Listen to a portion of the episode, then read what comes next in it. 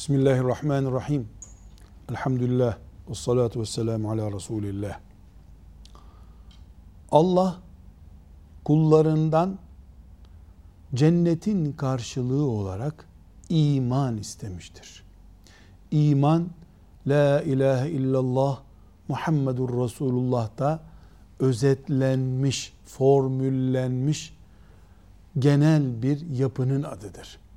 La ilahe illallah Muhammedur Resulullah diyen ve yaşadığı sürece bunun hakkını veren cennete girer. La ilahe illallah'ın hakkı nedir? Haramlardan kaçmak, farzları yerine getirmektir. Farzlar belli, haramlar bellidir. Faiz, zina, anne baba hakkına tecavüz etmek gibi benzeri şeyler haramlardır. Mümin bunlardan kaçar. Farzları da yerine getirirse cennete girer. Farzlar nedir? Namaz, hac, oruç, zekat gibi e, bildiğimiz şartlardır. Ancak mümin bir cemaatin, bir mümin kardeş grubunun içinde ve arasında olmadığı sürece istese de bu haramlardan kaçınma ve farzları yerine getirme şartını gerçekleştiremeyebilir. Çünkü müminin imanının amansız bir hırsızı vardır. O da şeytandır. Şeytan kolay kolay mümini rahat bırakmaz. Sürekli aldatma ve sürekli tuzağa düşürme hamlesi içerisindedir. Bunun için mümin bir grubun arasında, bir cemaatin içinde bulunmalıdır ki ayağa kaymasın. Bu cemaat aslında İslam toplumudur.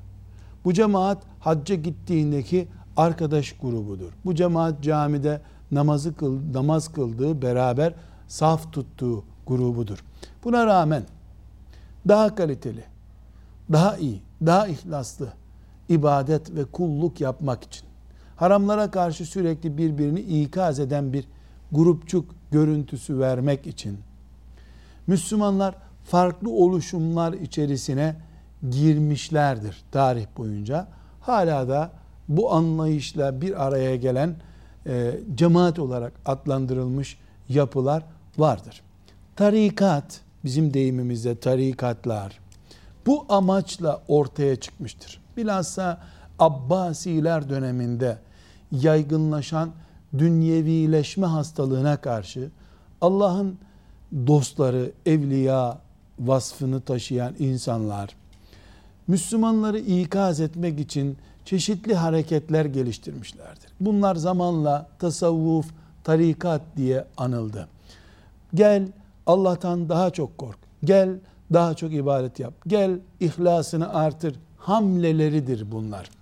Hiçbir şekilde bir Müslüman Allah'a daha iyi ibadet yapmayı teşvik eden bir tarikattan men edilemez. Tarikat kötü görülemez. Tasavvuf kötü görülemez. Nihayetinde bu bir kalite arayışıdır. Allah da bunu bizden istemektedir. Ama ilerleyen zaman zarfında kendisi Allah dostu olup olmadığı belli olmadığı halde bu işi sulandırmış isimler de ortaya çıkmıştır. Daha iyi ibadet yapmak yerine daha sulanmış, felsefeye dalmış hareketler de gelişmiştir.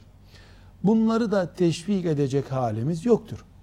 Ama daha çok namaz kılmak, daha çok oruç tutmak, daha çok Kur'an okumak, daha ihlaslı olmak ama dünyadan da ele tek çekmemek, cihat da etmek, siyasetle de meşgul olmak üzerine kurulu bir tarikat her müminin içinde bulunması gereken bir harekettir.